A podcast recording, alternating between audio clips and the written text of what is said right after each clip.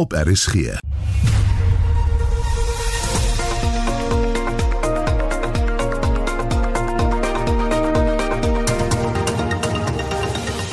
Goeiemiddag. Ons kry die jongste oor die verkeersontwrigting op die N3 in KwaZulu-Natal. Several vehicles were reportedly stoned and millions worth of public infrastructure damage, resulting in many commuters not able to reach their places of work. Die burgemeester van Johannesburg is gister aan COVID-19 oorlede. Ons vind meer uit oor sy werk in die Goudstad en wie nou in beheer gaan wees. Die poskantoor sluit meer as 100 takke landwyd. What's important is that people will not lose access. En Disney befonds 'n Kaapse animasieateljee om Afrika rolprente te maak. Baie welkom by Naweek Aktueel. Saam met my in die ateljee vandag is Justin Kennedy en Sylvester Kumane. Soos ons pas in die nuus gehoor het, kom verkeersontwrigting opnuut vandag voor op die N3 in KwaZulu-Natal, waar vragmotors naby die Mooirivier Tollhek aan die brand gesteek is. Die openbare geweld kom vermoedelik weens ontevredenheid oor die voormalige president Jacob Zuma, wat in Escort in die tronk is. Vir die jongste oor die situasie op die N3, praat ons nou met die operasionele bestuurder van die N3 tolkonsessie, Tanya Dugra. Good afternoon, Tanya. Hi, good afternoon, Marietta. How are you? I'm fine, thank you, but it seems to me you have your hands full. Are parts of the N3 still closed? Yes, unfortunately, the roadway around the vicinity of the Moy River Toll Plaza is remaining closed while they're busy with the cleanup operations from last, last night's protest action.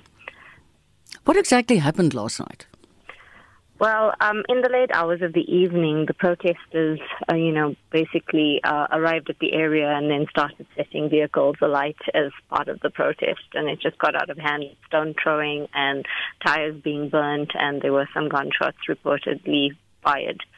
Um, and yes, well, law enforcement were on scene and trying to keep everything calm and get it under control. But unfortunately, there were quite a number of vehicles that were caught in it. I mean, the latest number is 23 vehicles that were caught, um, well, were involved and were set alight. I heard in earlier news reports at the SABC that uh, a lot of trucks were set alight. Yes, all 23 vehicles that were involved are heavy vehicles, one of which was a tanker. It was carrying a very highly flammable, dangerous good Oh. substance. And uh, another was a car carrier, and that's where some of the, the light motor vehicles that were alight were. But the 23 vehicles we're referring to are all the heavy motor vehicles. All right. How has this impacted traffic on the route? Well, unfortunately, there's quite a significant backlog and quite a bit of congestion. Uh, traffic was stacked whilst we were advising motorists to avoid the area. Some of them, unfortunately, caught in the fray. Um, those vehicles are all being diverted off the N3 or were turned around where it was safe to do so. In the interim, we've implemented a diversion around Moy River. So uh, light motor vehicles in particular are being diverted southbound towards Durban at the uh, Midway interchange, coming back onto the N3 at Nottingham Road, and northbound vehicles are being diverted at Midmar, coming back on at Treverton interchange. Are the police still on the scene? Yes, law enforcement is still there. The cleanup operations are ongoing. So there's lots of emergency services, fire, ambulances. Everybody is on scene attending to it. Tanya, would you suggest that people, if they don't have to travel there, absolutely go another route? Look, I think as much as possible, we would advise people to avoid the area, especially if the travel is not urgent, either to delay or, as you say, to to seek an alternative. Um, unfortunately, I'm I'm sure that all of the roads at this stage are going to be congested with everyone trying to get to where they're going. Tanya, I hope it goes very well for you because I can hear that is quite a dilemma. Thank you so much. Dat eh, dit was Tanya Dugra amper praat ek met julle Engels. Dit was die operasionele bestuurder van die N3 tolkonsessie, Tanya Dugra.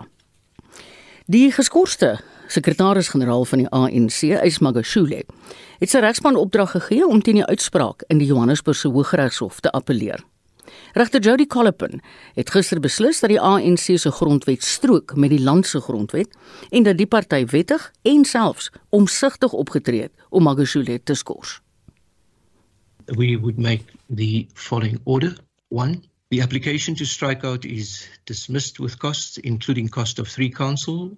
Two, the application for condonation by Mr. Ramaphosa in respect of the late filing of his answering affidavit is granted. Three, the application incorporating the relief sought in paragraphs 2.1 to 2.3 of the notice of motion is dismissed with cost. Magashule sê die hof is verkeerd. There are a lot of inconsistencies in the judgment. We have a right to appeal because we believe we have a very strong case. The Ramakatsa in this instance we think uh, was uh, quoted wrongly because even the respondents, the lawyers, said there is no way the National Executive Committee can change the decision of the Supreme Board, which is the National Conference. In this case, the judges are saying the National Executive can change the decision of the highest decision making body. It can't be the case in terms of the ANC Constitution. Uh, we are appealing. We have a tight case. We think a different court will arrive at a different decision. Hy het ook aan SAIK nuus gesê dat hy die hof nader omdat die ANC verdeeld is. Everybody has accepted their factions with the ANC. We are divided. Uh, members of the NEC have said that the top six is divided, the NWC is divided, the NEC is divided. So when when it is like that, you can't then blame me for then saying, "Let me go to court." Intussen het die politieke ontleder verbonde aan die Noordwes Universiteit se Sakeskool, Dr Piet Kroukamp, gister op Spectrum gesê dat die beslissing 'n sterk boodskap aan Magashule se faksie stuur vir hulle wat eintlik nou maar net die walking wounded en die korruptes in die ANC is, uh, laat dit nou baie duidelike boodskap dat die regstelsel uiteindelik die politieke proses sal bedryf wat wat hulle toekoms betref. En ek dink dis dis wat maar gebeur het sedert Ramaphosa in die gang gekom het. Hy die nasionale vervolgingsgesag weer op die been gekry, uh, die regbank se waardigheid in sekere mate herstel, uh, die van hierdie politieke kontensieuse uh, gevalle is is voor die hof gesleep. Daar's uitsluitsel gekry. Daar's grondwetlike issues wat uiteindelik aangespreek is. Ek dink tog met die idee van 'n regstaat en die idee van 'n konstitusionele staat is dit eintlik nou weer gevestig en ek dink Ramaphosa sal op die rug hiervan sal hy ry vir die volgende paar maande of selfs vir die volgende paar jaar om doodseker te maak dat dit eintlik maar sy politieke stryd met die wat oor is van die die die residue van die RET faksie die radikale ekonomiese trans uh, faksie dat dat die regstelsel met daai met daai residue op 'n of ander manier omgaan. So ek dink dis dit dit gaan meer as dit gaan oor meer as net Zuma en Ysmagashule. Dis 'n dis 'n skoonmaakproses wat in die gang is en ek moet sê die, vir die eerste keer kry ek die gevoel dat uh, there is only one sheriff in town and it's Ramaphosa now en hy hy doen dit nie deur autoritair te word of 'n bepaalde magte vir homself toe te eien nie. Hy laat eenvoudig net die demokrasie omwerk en dis waar die groot kompromis tussen die samelewing en die staat lê. Regter Kolapen sê die ANC is daarop geregtig om intern sy lidmaatskap kwessies te hanteer. Kolapen het oor nog 'n aansoek van Magashule waarin hy vra dat die hof sy skorsingsbrief aan die ANC president Cyril Ramaphosa geldig moet verklaar na dieselfde reël verwys. Hy het bevind dat 'n geskorste persoon aangekla moes wees en dat Ramaphosa nie aangekla is nie. Kroukamp het so hierop gereageer. Die meeste van die aspekte wat die hof hanteer het, het oor goed gegaan wat die meeste regskenners vir jou gesê het, maar dis voor die hand liggend. Daar daar is nie 'n saak uit te maak nie. Uh, ek dink as jy Pierre de Vos gelees het oor die laaste paar weke wat amper soos hulle in Engels sê dismissive was van Dalie en Polfo se argumente. Dit was dit was eintlik goed wat nooit in 'n hof moes beland het nie, maar uh, wat reg wat die reg betref, maar wat politiek betref, is dit kardinaal belangrik dat hierdie goed vir die hof gekom het, want dit is eintlik goed wat polities besleg moes gewees het wat nie gedoen is nie en wat die hof uiteindelik met uitsluitsel oorgegee het. Hierdie tipe van goed moet ons in die samelewing besleg, in die nasionale vergadering besleg, die ANC moet intern besleg. En uiteindelik sleep ons die goed vir die hof as gevolg van die gebreke wat ontstaan het as gevolg van Jacob Zuma se teenwoordigheid in die politiek en waarskynlik ook die ANC se se se plundering van die staat nie net van die finansiële uit uh, van 'n finansiële uh, oogpunt nie, maar ook van die plundering van die meganismes, die demokratiese meganismes van die staat. Hierdie goed moes nooit voor hof beland het nie. Nou gee die hof daaroor uitspraak. Dit gee ons bepaalde politieke rigting en eintlik moet ons sê, miskien is dit goed so. Miskien moet die hof soms politieke uitsprake maak sodat ons kan rigting kry, dat politici op 'n of ander manier tot kentering kan kom en kan konformeer tot die grondwet en kan doen wat uh, wat reg is om te doen. Hy het ook geantwoord op waarop oud-president Jacob Zuma nie ook uit die party geskort is omdat hy tronkstraf opgelê is nie. Zuma bekleed nie enige pos behalwe om ek dink ek so fikkie lid van die van die nasionale uitvoerende komitee van die ANC te wees. So hy het nie 'n bepaalde pos nie. So hy hoef nie op sy te staan nie. Op sy staan is nie by om te spraak en hy het geen uitvoerende gesag of uitvoerende magte nie. Hy sit maar net daar agter die saal altyd en luister wat aangaan en so nou en dan dan sal sy kamerade nou namens om ietsie te sê. Maar ek dink uiteindelik sal die ANC afhangende van sy gedrag hiervan af vorentoe en of hy skuldig bevind word in die hofsaak soos die wapenskandaal saak Indien dit daar skuldig bevind word, sal die ANC waarskynlik op 'n stadium uh weet voor die deur kom met met 'n bepaalde besluit neem oor sy oor sy lidmaatskap. Maar ek dink nie dis nou ter sprake nie. Ek dink nie dis iets wat die dis nie 'n geveg wat die ANC nou nodig het om met homself aan te gaan nie. Uh want uh Zuma speel nie 'n weet 'n besluitnemersrol nie. Die stem van Dr Piet Kroukamp, 'n politieke ontleder verbonde aan die Noordwes Universiteit se Sakeskool. Ek is Justin Kennerly vir SAK nuus. Ja, en Justin is vandag ook die redakteur van Naweek Aktueel. Nou iets heeltemal anders. Die burgemeester se lid van gesondheid en maatskaplike ontwikkeling in Johannesburg, Eunice Ntina, is aangestel as waarnemende burgemeester van Johannesburg. Dit nadat die burgemeester Jeff Makubo gister aan COVID-19 komplikasies oorlede is. Die 53-jarige Makubo is 3 weke gelede positief vir die virus getoets. Makubo is sedert 2019 die burgemeester van Johannesburg. Ons praat nou met die dekaan van Geesteswetenskappe aan Akademia, professor Pieter Dievenage. Goeiemôre Pieter. Goeiemôre Marieta. Gee ons asseblief 'n bietjie agtergrond. Wie was Jeff Makubo? Ja, jy het nou uh, mooi dit gestel dat hy op 53 oorlede is. Hy laat 'n vrou en dogters agter. Hy is op 20 Junie in het hy in kwarantyne gegaan en uh, 3 Julie gehospitaliseer en uh, toe sy nou oorlede uh, gister. Nou uh, jy vra spesifiek waar hy vandaan kom. Hy het maar so deur die jeugliga gekom. Hy kom uit Soweto, so hy's 'n baie plaaslike persoon hier in die Johannesburg omgewing. Sy kwalifikasie is 'n BCom by Wits en hy het nou 'n meestersgraad in ook gewerk by Wits en dan het hy maar so deur die privaat sektor en die prominente strukture van die ANC na vore gekom en die eerste keer uh, in terme van die Johannesburg se stadspolitiek in 2011 het hy 'n burgemeester lid van finansies geword. 2016 natuurlik leier van die oppositie toe die DA saam met die EFF die stadsregering oorgeneem het. En Mkobo sou mens kon na, na aanleiding van die vorige um, gesprek ook met Dr Kroukamp sou mens in die meer Magashule en die Zuma kamp kon sien maar ons weet almal op plaaslike vlak is hierdie faksies partymal 'n bietjie meer komplekser mm. as nasionaal Marieta. So mm. dit is so agtergrond oor hom sedert 2019 burgemeester gister oorlede. Pieter, op Twitter het verskeie mense hom geprys en gesê hy was besig om Johannesburg reg te ruk. Stem jy daarmee saam? Uh, nee, ek stem nie daarmee saam nie. Kyk, die in die eerste plek Marieta is hy is hy net van Desember 2019 aan bewind gewees. Ah. Ehm um, hy was 'n aangename persoonlikheid, jy weet, ehm um, uh, so 'n bietjie charismaties, maar die faksiepolitiek in die ANC maak dit vir enige persoon natuurlik baie moeilik.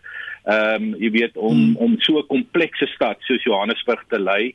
Hy was natuurlik in 'n klein koalisie met die Inkatha uh, Vryheidsparty en nog twee ander vennote, maar die oorgrootte ehm um, koalisie vennoot was die ANC. Ehm um, hoekom sê ek hy het nie 'n sukses gemaak uh, van Johannesburg nie? Eerste plek te kort.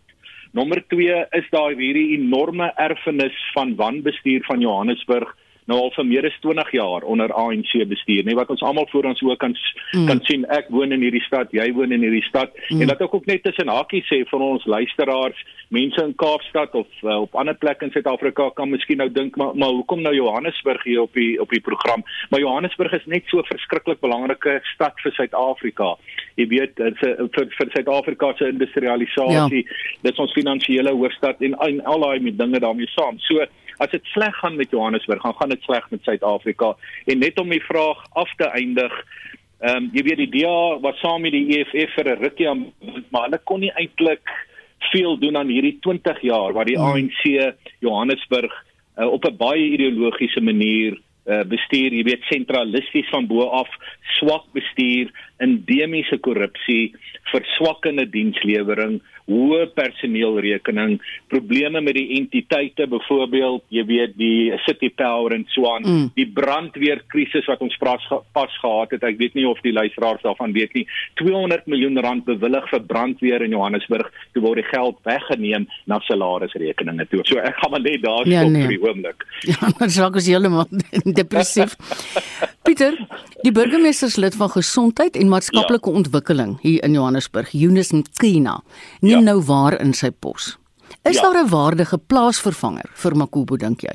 Nou nou gaan ons Marietta in die donker mistiese ruimtes van die ANC in. Niemand weet wie gaan nou die volgende burgemeester word nie. Sy's 'n prominente lid, maar ek kan jou absoluut waarborg, daar's 2 of 3 of 4 ander wat uh, ook nou gaan aspireer vir die pos, want jy moet onthou dat Johannesburg se begroting loop hier na die 40 miljard rand uh, per jaar, nê. Nee. Dit is mm. nie te versmaai nie. Hier is enorme mag betrokke en mens kan weet daar word nou ehm um, daar word nou daar's nou faksies en en en dinge aan die gang agter die kom ons noem dit nou maar so jy weet ja. agter die verhoog. Mm. So ehm um, ek ek is nie seker of sy dit gaan maak nie. Sy is sy is redelik prominent. Sy is die waarnemende burgemeester op die oomblik. Sy is die burgemeesterslid van gesondheid en maatskaplike dienste gewees. Maar jy moet weet sy sy gaan ook nou die stad regeer uh, op 'n waarnemende basis saam met die stadsbestuurder meneer Floyd Brink en ongelukkig hang daar ook 'n wolk oor hom want uh, daar's beweerde korrupsieklag teen hom toe hy in Limpopo 'n prominente politikus was. Dan dan wie Hoe lank dink jy gaan dit wees voordat hulle iemand aanstel? Ek dink die proses gaan nou kyk daar's natuurlik eerstens die, die daar moet daar 'n rouperiode wees en die ANC is baie goed daarmee uh oor, oor die um, burgemeester wat nou oorlede is en mens natuurlik um, of mense nou met hom polities saamgestem het of nie is dit is dit hartseer as iemand uh, sy lewe verloor. Dit daar's nou 'n rouperiode maar ek skat so 2 weke uh, Marietta en dan is die interessante die proses daar rondom sal nou maar wees dat die ANC gaan 'n prominente rol daarin speel en dan die koalisievennote wat maar junior vennote is, soos die Inkatha Vryheidsparty sal ook bykom. Ek dink die volgende burgemeester sal uh, deur die ANC aangewys word nou so vanuit die binnekringe soos ek dit geskets het. Mm. Maar dit gaan omtrent net vir tot 27 Oktober wees. Um, as die plaaslike verkiesing op die 27 Oktober plaasvind andersins vroeg 2022. So van verkiesings gepraat Pieter, gaan Makobo se dood enigstens 'n impak hê op die uitslae van die plaaslike verkiesings later vanjaar, veral hmm. as sy opvolger nie 'n gewilde een is nie. Nee, ek dink nie so nie Marita, dis genaan die in die plaaslike verkiesing. Ek dink wat die ANC nou gaan doen is 'n enorme proses aan die gang sit om hulle kiesers gemonster te kry vir die plaaslike verkiesing. So wie die kandidaat gaan wees, die periode is net gewoon te min. Ja. Uh, wie ook al aanstel. Ek dink dit gaan maar so tussen tussenganger wees. Natuurlik loop die ANC die gevaar, nê, om weer die regering van uh, die metro van Johannesburg te verloor want eintlik met die DA en die ander partye nou in die DA is die oppositie moet hulle kragte saamspan mm. maar ek dink die uiteindelike beslissing lê natuurlik by die burger van die stad jy weet ek en jy en ander Um, ek is ook 'n inwoner van Johannesburg. Ek dink mense moet hierdie plaaslike verkiesing, maar ook in die res van Suid-Afrika geweldig ernstig opneem. Ja, en gaan registreer. Ons het mos nou met 2 weke nee. uitgestel. Precies. Jy weet ek het nou geluister wat jy sê en dit is soos jy sê, die stad die stad is slordig. Dit word nie goed mm. bestuur nie. En so 'n mens wil partykeer die hare uit jou kop uittrek. Maar wat dink jy of stel jy voor gaan die stad gesond maak? Weet jy Marietta, ek is so lief vir hierdie stad. Jy weet dit is so 'n mooi stad uh eintlik in die rent. Ehm um, uh, jy weet dit het sulke goeie kwaliteite, goeie mense oral om jou en dan word dit so swak bestuur. So as ek moet voorstel net as 'n gewone burger van die stad en nou, iemand wat nou maar kommentaar lewer en mm. weer interpreteer, dan sou ek sê in die eerste plek goeie bestuur begin bou aan 'n neutrale amptenary. Ek dink nie dit gaan onder die ANC maklik gebeur nie want ons ken nou kaderontplooiing en al die dinge. Tweedens dink ek die stad moet 'n 10 punt 10 punt plan kry, jy weet. En al word net twee van daai punte uitgevoer, dan is dit 'n begin. Nou wat dink ek moet op so 'n 10 punt plan wees? In die eerste plek veiligheid. Ja. Nee, ek is maar ja. iemand wat wat staan by veiligheid, nie net plaaslik nie, maar nasionaal. En ons het nou gesien wat ook by Escort gebeur het, die absolute wanorde en wat sal mense dit noem, anargie in by Escort, maar plaaslik ook in Johannesburg. Jy voel nie veilig in die stad nie. Kry eerstens die veiligheidsdienste en nou weer eens, ek wil nie um, weet ek pleit nie vir autoritaire, aggressiewe polisie optrede nie, maar net vir gedissiplineerde, ja. professionele veiligheid. Jy weet, mm. want sedert die ou politieke filosoof van 4, 500 jaar gelede Thomas Hobbes, hy het gesê as jy as die burgers in 'n staat of in 'n stad nie veilig voel nie dan dan waarmee is jy besig? Het jy nog het jy nog 'n legitieme politieke stelsel? Jy weet het mm. ons gevra.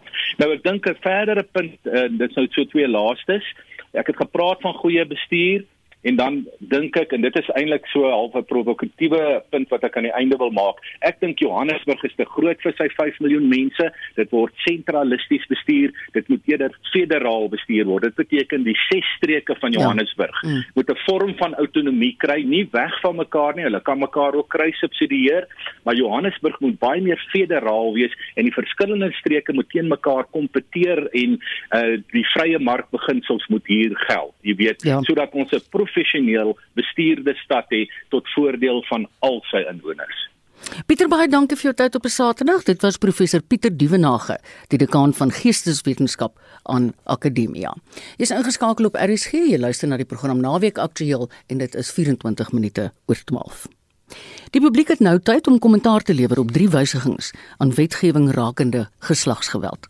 Dit sluit in die wysigingswetsontwerp op kriminele strafreg en verwante sake.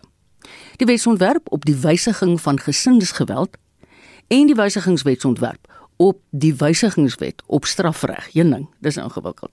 Vir meer hieroor praat ons nou met professor in politieke wetenskap by Stellenbosch Universiteit Amanda Gous. Hallo Amanda. Hallo Marita.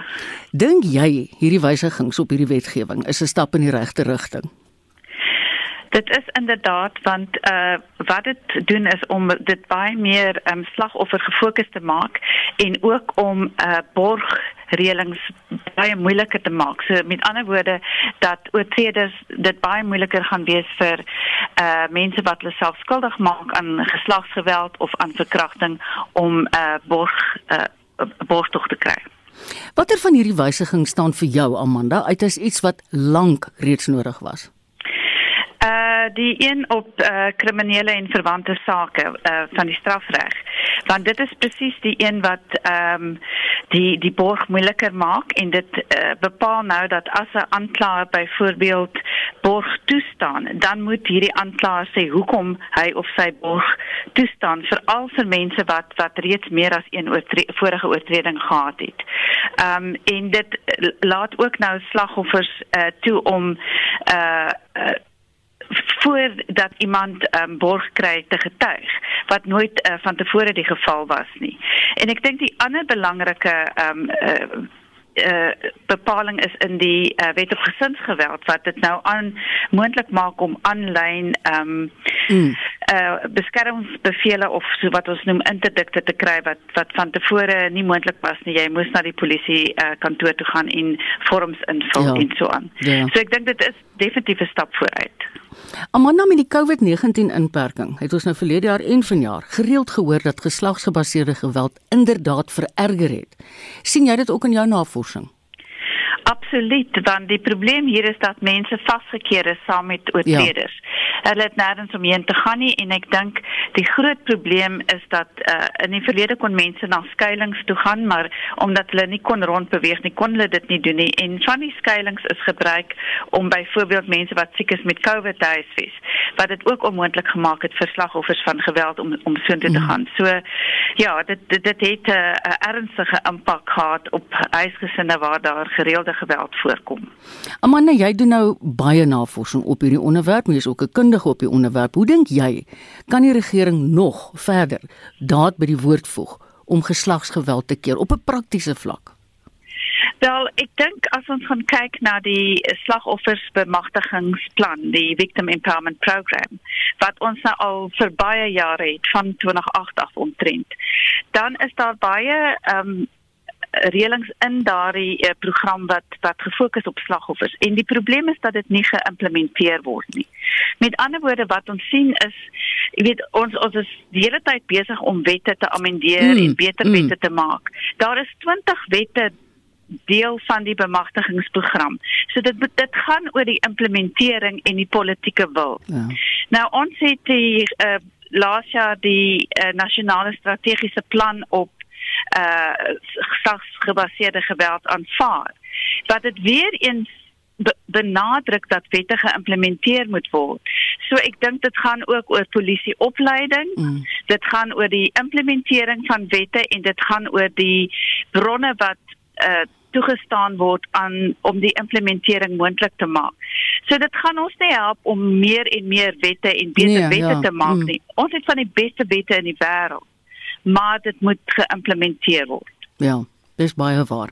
Amanda vir jou en al die ander Amandas wat so onverpoost werk om hierdie ewel in ons samelewing uit te roei, baie dankie.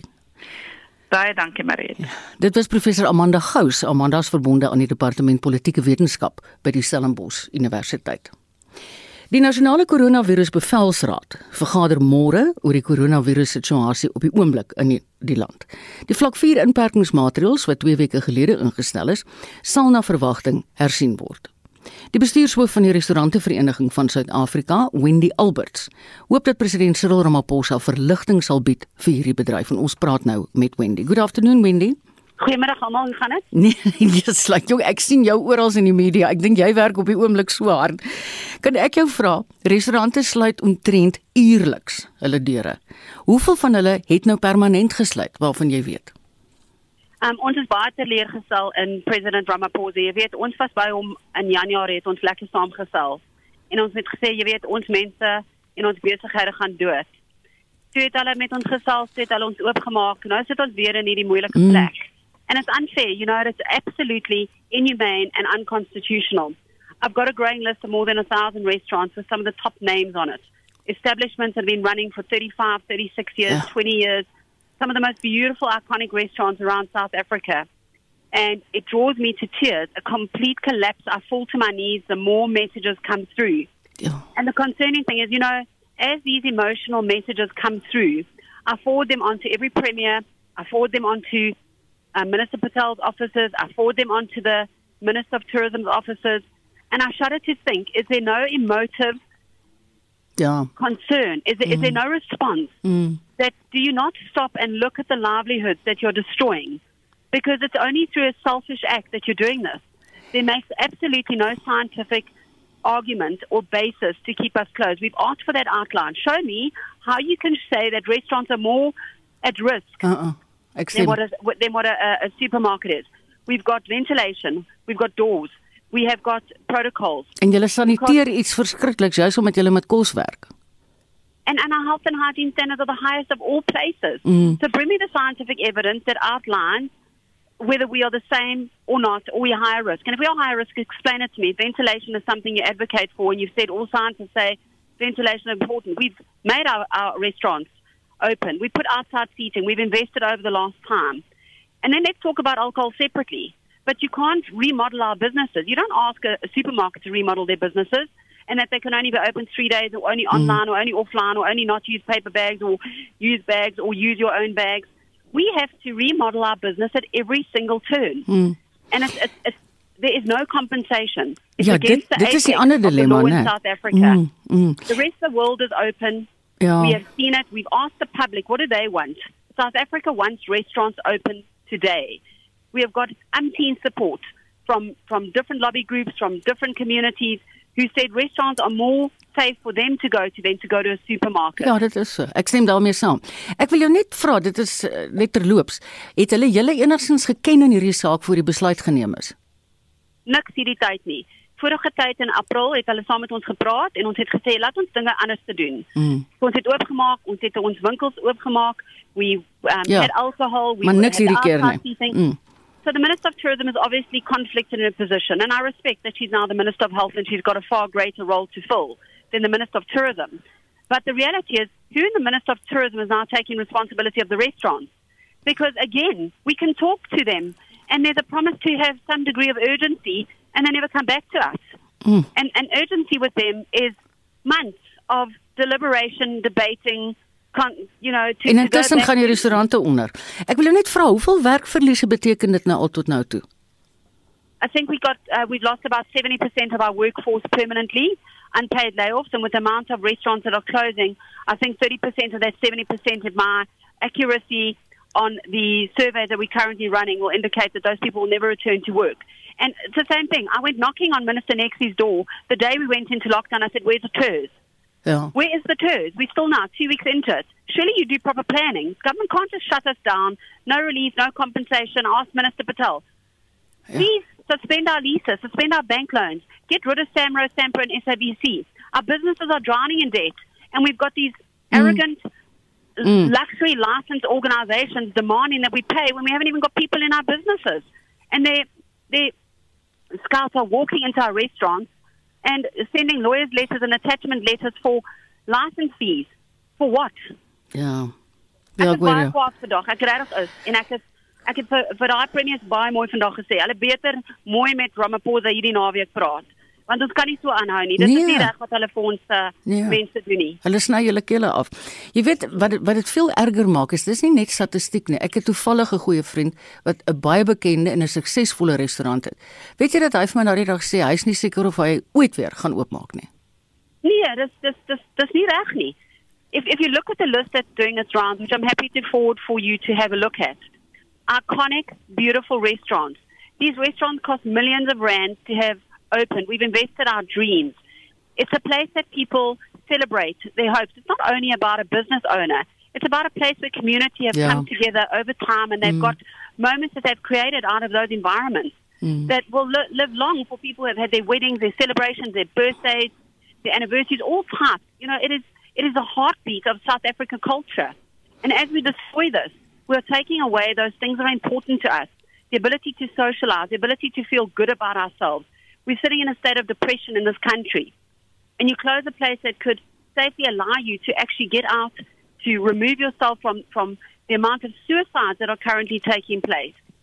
And to give people the opportunity just to engage and to Yeah. feel Ja, ek verstaan alles wat jy vir my sê en ek stem met jou saam. Wat sal vir jou môre of vir julle almal wat restaurant eienaars is, die eerste prys wees in sy aankondiging?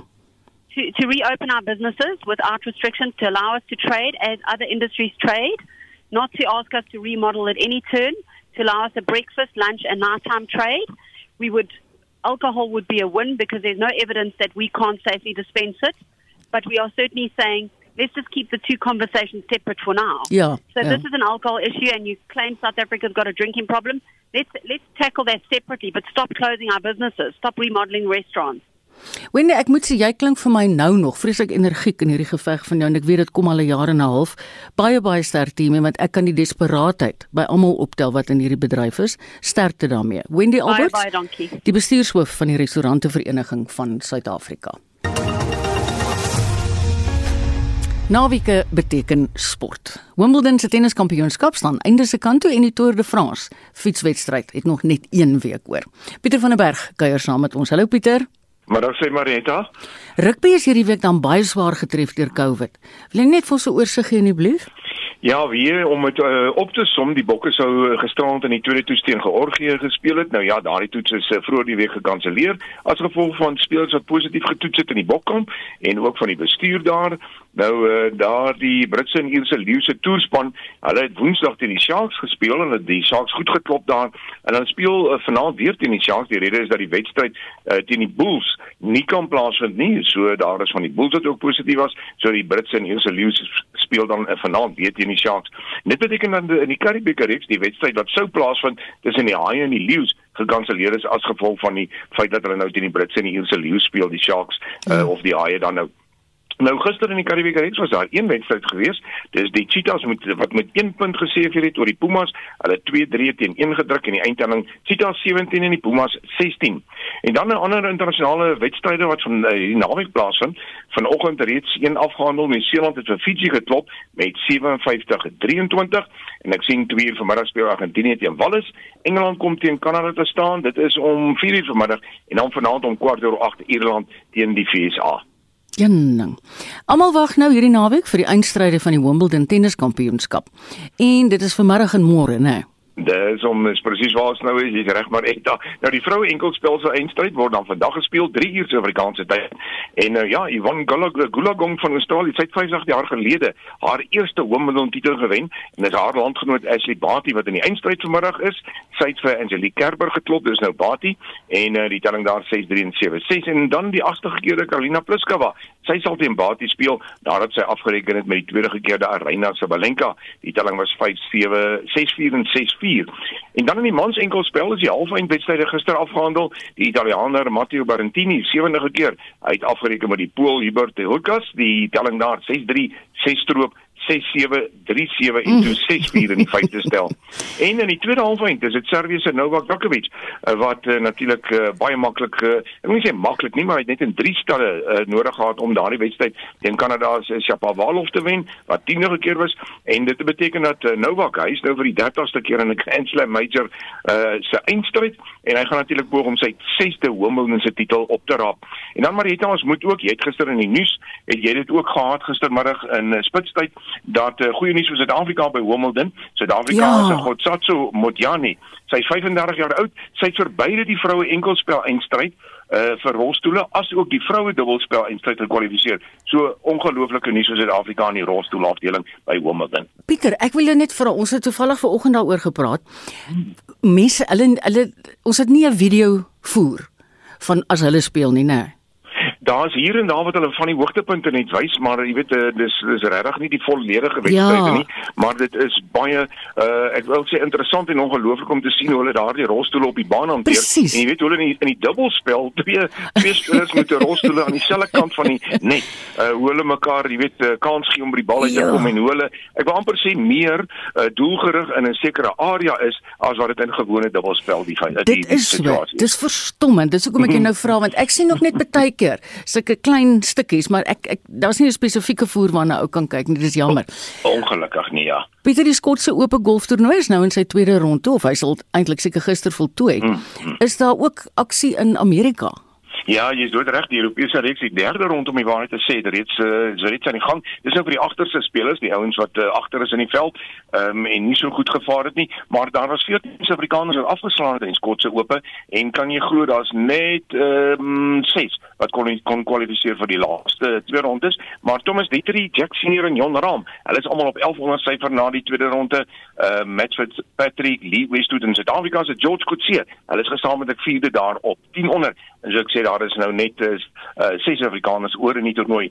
Dan op die Amerikaanse PGA Tour word die John Deere Classic in Illinois gespeel. Luke List, hy is die voorloper op 13 onder, een voor Sebastian Munoz wat op 12 onder is. Dan is daar nie minder nie as uh, agt spelers op 11 onder wat Lucas Glover en Ryan Moore insluit. En dan op die LPGA Tour vir vroue is dit die sogenaamde Marathon Classic daar in Ohio. Nou Suid-Afrikaanse Paulo Retto, sy is daar in die 28ste plek op 400 na die tweede ronde. Ongelukkig het Ashley Buhai nie die afsny punt gehaal vir die laaste twee rondes nie. Sy was op 1 oorsyfer die voorloper, is Japan se Nasa Otaka. Sy is op 12 onder na 'n briljante 61 in die eerste ronde en 'n 69 in die tweede ronde. Die FSA se Mina Harigi is daar twee oue agter haar, tans in die tweede plek op 10 onder. Pieter, 'n hele paar internasionale cricketwedstryde word die naweek afgehandel, maar ons Protea span seker ook op die veld. Ja, jy is reg, daar is 'n uh, môre weer aksie vir die Proteas. Hulle gaan teen Ierland speel in hulle eerste eendagwedstryd, maar op die oomblik in Zimbabwe is dit die toets teen Bangladesh wat in Harare gespeel word. Nou teen middagete op dag 4 was Bangladesh op 169 vir 1 in hulle tweede beurt nadat hulle 468 in hulle eerste beurt aangeteken het. Zimbabwe is uitgehaal vir 276 in hulle eerste beurt. Dit beteken Bangladesh is nou 361 lopies voor, maar het nog 9 paaltjies staande. Dan vandag speel die Wes-Indiese eilande teen Australië, dis in 'n T20 wedstryd wedstryd en Engeland hulle en Pakistan pak mekaar en dis in die eerste uh, eendag internasionale wedstryd uh, nou so 'n paar minute gelede begin en dit is uh, op Lords in Londen. Jenning weet dit voels soos gister wat die Tour de France begin het, maar nou is ons al in die laaste week wat voorlê en dis die 105de hmm. toer. Wat het gister in die 13de skof gebeur? Ja, dis oor 219 km gejaag geweest. Mark Cavendish het geskiedenis gemaak, ongelooflik. Sy 34ste skofoorwinning van sy loopbaan by die Tour de France en uh, nou ja, daarmee ewenaar hy natuurlik die legendariese Eddie Merckx se rekord. Mm. So briljant Mark Cavendish, um, hy het net net daar in die groep klaar gemaak, so halwe, ek wil amper sê 'n uh, dik uh, net die die band te bewys wat hy geseer het. Michael Morkov was daar in die tweede plek en Jasper Philips in derde. Nou algeheel is dit Pogacar steeds uh, die voorloper. Hy is van die Verenigde Arabiese Emirate se span. Uh Roberto Urán, hy is daar uh, tweede 5 minute en 18 sekondes na hom en Jonas Vingegaard, hy is 5 minute en 32 sekondes agter die voorloper. Louis Mentjes wat die geeltrui aan betref, hy is in die 16de plek, 32 minute en 20 sekondes agter die voorloper. En vandag se 14de skof Marita, ag Marietta is oor 183 km. Een op maar lank hè. Sokker se fokus aanvaar ek is by eindstryd van UEFA se Euro 2020 toernooi. Maar daar is ook Kosafa sokkerbeker wedstryde, né? Ja, daai Kwasal beker is natuurlik vir die ehm um, suidelike lande in Afrika mm. en Bafana Bafana het vroeër die week vir Botswana met 1-0 getroof en toe ook vir Eswatini met 1-0 uh, geklop. Nou gister is dit Senegal wat vir Mosambiek geklop het met 1-0 en dan het Malawi en Zimbabwe gelyk op gespeel met 2 elk. Nou ehm um, ons moet dan ook net sê dat Suid-Afrika sal Dinsdag weer in aksie wees en dis teen Lesotho, maar soos jy genoem het, die groot sokkerwedstryd van die naweek is môre aand. Dis om 9uur daar in uh, op die Wembley Stadion in Londen en dis natuurlik uh, UEFA se Euro 2020 eindstryd en dit is dis in Italië en Engeland. Ja, die twee groot lande wat mekaar pak om daai titel. Ja. Nou uh, Fritz Klaaste, hy sal vanmiddag van 3 tot 6 en RSG se sportateljee wees met meer nuus en ek sal ook so 'n bietjie terug wees met uh, tennisnuus deur die loop van die middag. Baie dankie Pieter. Dit is Pieter van der Berg met die sportnuus van die naweek. In ons weeklikse motorrubriek toets Wessel Pretoria 'n Isuzu bakkie en hy beantwoord 'n luisteraarsvraag.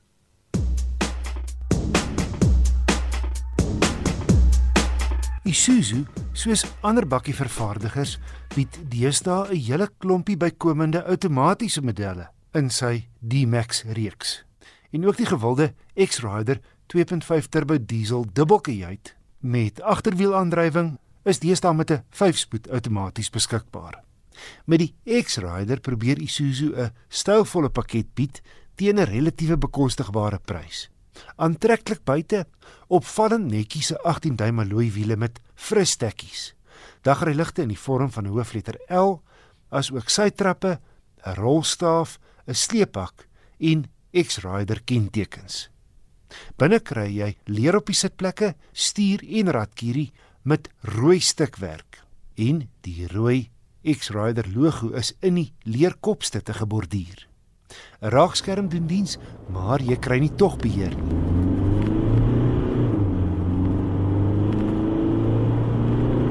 Die X-Rider se 2.5 turbo diesel is grower en meer lawaaierig as sy teenstanders teen luier en laaspoed.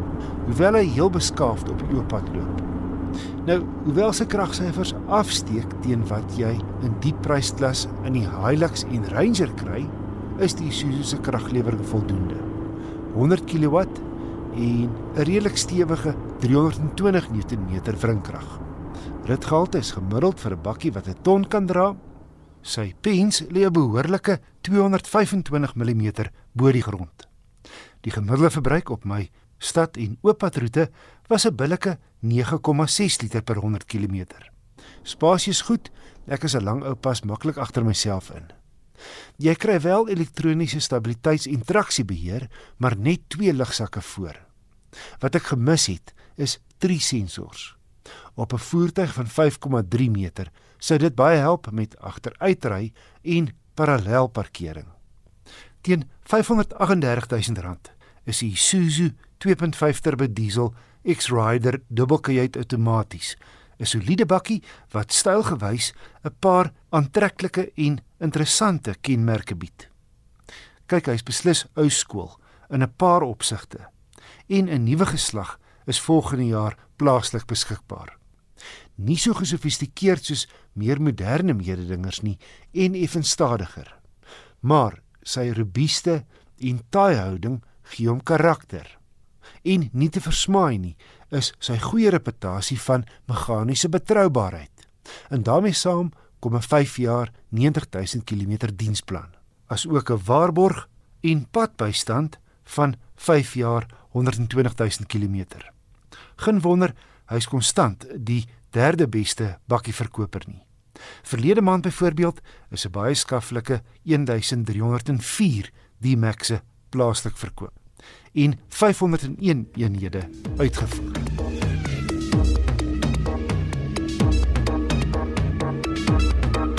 Ek het 'n brief van Henny van Kuilsrivier ontvang.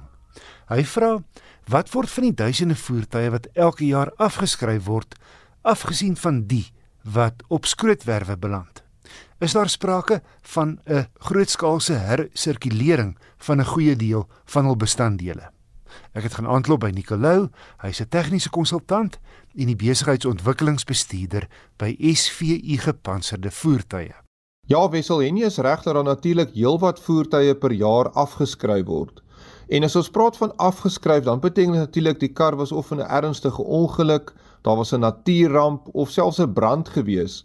En uh, onthou dit kan natuurlik nou strukturele skade wees wat maak dat die kar afgeskryf word of as die herstelwerk wat gaan nodig wees om die kar te herstel te hoog is en dit nie koste-effektief is as mens kyk na die waarde van die voertuig nie, dan word hy natuurlik ook afgeskryf.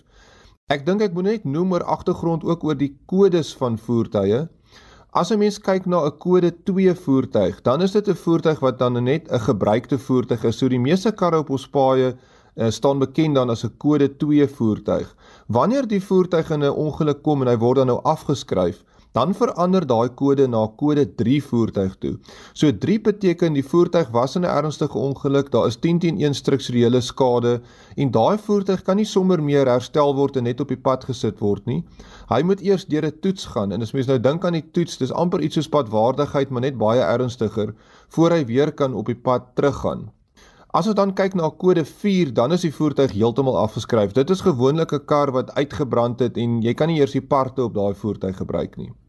So, kom ons kyk gou 'n bietjie wat gebeur met hierdie karre wat dan nou afgeskryf word. In die ou dae was daai karre reguit na die skrootwerf toe. Vandag is daar groot maatskappye, daar's veilinge wat gehou word en al die partye wat belangstel kom kyk na hierdie voertuie en dan besluit of hulle een wil aanskaf. Dis nog steeds jou skrootwerwe, maar dit sal ook handelaars wees wat uh, die voertuie opkoop en dit kan herstel en dan weer verkoop of dit kan persone wees wat die kar uitsluitlik koop vir sekere parte wat hulle nodig het en dit op so 'n manier goedkoop in die hande kan kry. Soos genoem is dit natuurlik dan nou meestal jou kode 3 voertuie. Jou kode 4 voertuig is ongelukkig gaan hy maar na die smeltery toe, um, want daai parte en daai voertuig is dan vir niks regtig geskik nie.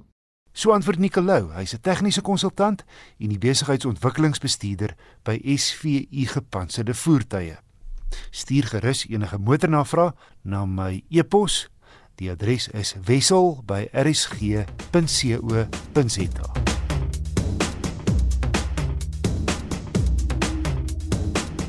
Disney het sy versier op die vasteland van Afrika. Daarom het hulle plaaslike animasiekunstenaars gevra om Afrika stories in rolprente te ontwikkel. Die animasieatelier Triggerfish staan aan die stuur van die eerste reeks rolprente. Triggerfish het voorheen Kumba en Adventures of Zambezia gemaak. Anne Marie Jansen van Vuren doen verslag. Die reeks van 10 oorspronklike rolprente staan gesamentlik bekend as Kizazi Moto Generation of Fire.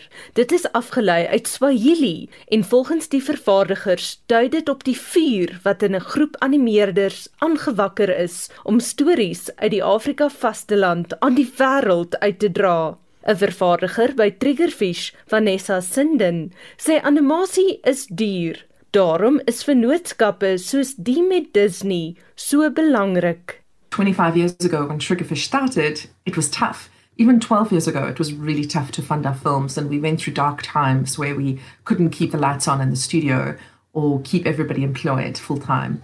Every independent studio goes through that. And you know you have these exciting projects, but big project partners with lots of millions of dollars aren't excited yet by that. The hard work has really paid off, and I think Triggerfish has spearheaded a lot of that and proven that we're producing some amazing content. And I think the world kind of looks to Triggerfish as a leading studio on the continent and go, well, what are they doing? How can we do it? Uh, what we make films for compared to what Europeans make film for is very different. And obviously, extremely different to the US market. They spend $100 million on an animated feature film, and we're spending a fifth of that. And they kind of look at us and go, How are you doing that? And your film is great. Dis nie net Suid-Afrikaanse animasiekunstenaars wat by hierdie projek betrokke is nie.